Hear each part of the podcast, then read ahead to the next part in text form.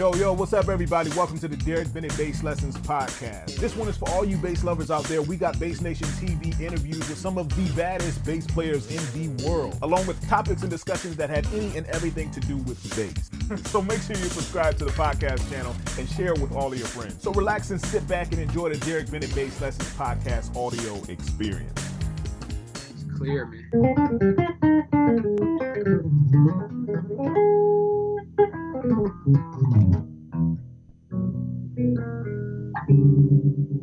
See that? I always resort to the Indian stuff. yeah. But that's you, man. That's you. It just, it just, I love the way, I love the way it sounds going in and out from the Western stuff to the Indian Yeah. stuff. All right, ladies and gentlemen, we got Robert Bubby Lewis on the line.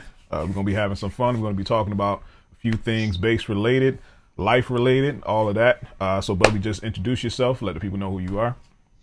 Uh, yeah, Bubby Lewis, um, originally from Flint, Michigan, country. Flint, Flint, Michigan.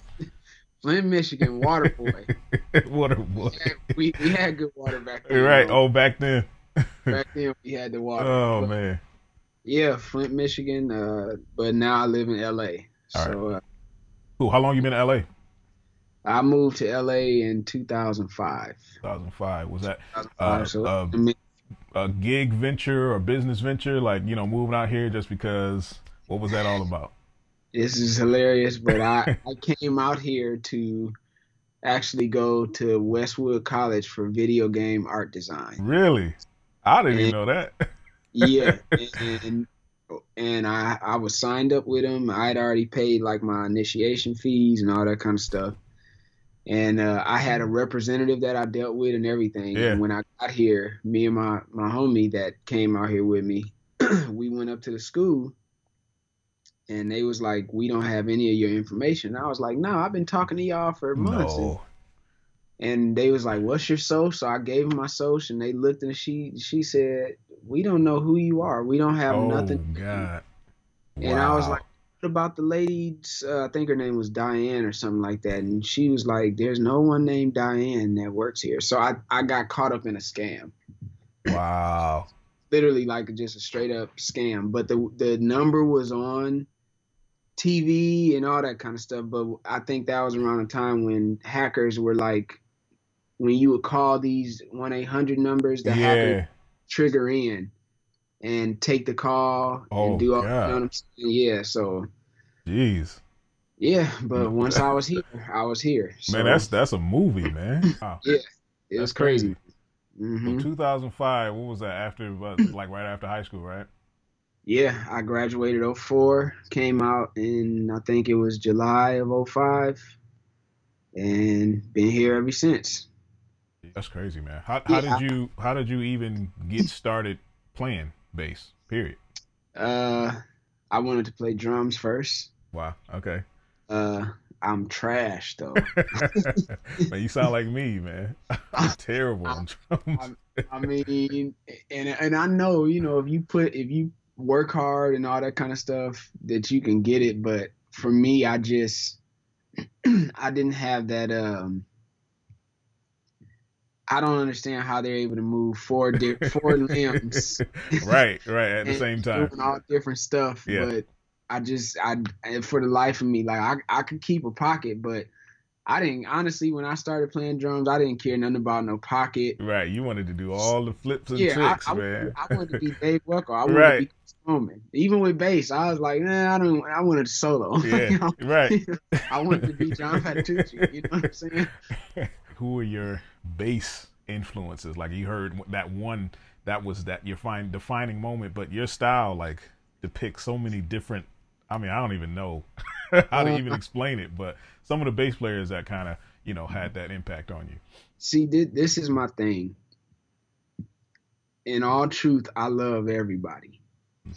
no matter what genre or or technique or style. Like I've I've never been the one to see see it as like this person is the best or this person is better. Right, It- right, it's just it's just it's almost like um there's a thousands of different burger restaurants all Yeah. over the country, right? But for me, there's like a handful that are like, oh yeah, them are the ones. You know what I'm saying? Not Yeah. saying that their burger is better than this one, but it's just I like the taste of this. Yeah, it's, it's your taste.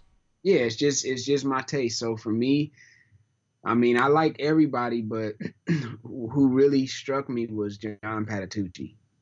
There you go. John, when it came to to jazz, Man I'm- yourself. dude, oh my gosh, John Pat. I used to listen to him and just be like, wow, like, like he he was that guy that. You know, yeah, he could solo. He could do all the the fast stuff. Yeah, he Yeah. could play chords, and he was a great writer and all that kind of stuff. Mhm. But he, he, for me, John Patitucci was able to connect with people on like a spiritual level, man, because there would be some times where when he would start out his solo, he would just hit two notes Yeah. and just let one of them ring just right, and it'd just be like a, a the biggest sword just going through your heart. Like, oh my gosh, Yeah. you know what I'm saying? I know what you mean, man. That's that's what I love about Patitucci, man. But I mean, of course, like you know, yeah, I love Jaco, Jeff Berlin. It's uh, unbelievable. Yeah. Um, Gary Willis, Nathan East. Oh, uh, of course, like for for gospel, I mean, I would be a moron not to mention Andrew Gouché. I mean, Yeah. that dude is. He is. Right. Oh yeah. Oh yeah. he is Yes, sir. him, him and Joe. Smith and you know Jimmy Newbo, like Larry Kimpel. Like I Yeah. could go down just the the OGs. You know what I'm sir. saying? Um, but yeah, man, it's it's it's everybody really. I like Flea, I like Stanley, I like Marcus, I like Victor, uh, Steve, Victor Bailey, of Yeah. course, him too. Yep. Uh, Charles Ming. I mean, I can go down the list. Yeah. Dude. Matt Garrison. Well, it's the Jimmy same thing like you said. It's a bunch of uh, you know, like burger joints. You know, it depends on what your taste is. You know, all of these guys are great. All of these Mhm. guys are amazing. It's just like what you, you know, what you gravitate towards and what you pull from. You know, I was And- telling somebody before when we did, um, I was just doing a clinic with Gouché a couple uh, weeks Right. ago or last month, and uh, we were talking, and, and I was saying, telling people that I, my influence was him. Like you know, Yeah. I, I w- I would get so much from him, not necessarily just his notes or playing, but like his aggressiveness. and, You know what I mean? his, his, integrity, like Absolutely, when he hops on the bass, it's like I'm on the bass. I'm on the base. My I am here. yeah, my like I'm, is and, known. and, and he- somebody else might be the M, the MD, but it's like, nah, I'm here. I'm here. Exactly. Now, where's the? Um, I'm going to ask you that earlier. What's Yeah. what is that connection with Japan that you have? Because I see, I mean, even when you're not doing anything, sometimes you just going over. I see you over there, like, okay, Bubby's, and I text you or something like, oh yeah, I'm in Japan. I'm like, what are you doing in Japan now? So, So what's that? What's that whole connection? it's my favorite place. First, that's my favorite place, but um, It just is it Tokyo or any specific part or? it's the whole island, the Yeah. the main island, the North Hokkaido island, and the South Kyushu island. Just Yeah. Japan as a whole is like that's my spot. yeah. Do you speak any? I yeah, I you can got, I'm about to say you got you there for nine months. You gotta you gotta know something, a few words. I can- I can get around. okay. I can't like I'm not there What I the- can the words is what you want: food and bathroom and yeah, sleep. yeah, food, water, and like you know directions or Yeah. you know, you know like just the the stuff to, to get around. yeah, yeah, yeah. But like how jokers. But the, the other thing is this though, I can't speak everything, but I understand it. So when Understand it. people talking, I know I I can make out what they're saying. Now, is that mainly from like watching like the anime stuff, or you know that kind of just watching, Watching- it, kind of absorbing that kind of language, man? That's just that's Exactly. crazy to me. That's, That's exactly, and I've been watching anime since I was four years old. So. It took me long enough because I should have been I should have been able to speak it when I was ten years old. right. But I, as much as you watch it, right? Dude. yeah, man. That's crazy. Now, does that have any like the anime stuff? Does that have any impact on your style of playing, like that type of music or anything like that? Do you kind of gravitate towards that uh, inside of your your bass lines or anything? I would for years because I I'm such a huge fan of. There's a few things I, I again I love all music, but there's there's a few that just really really touch me, and it's anime music. Mhm. I love film and television composition, Mhm. absolutely, Absolutely. and video game composition. Yep. so, Some of the best, man.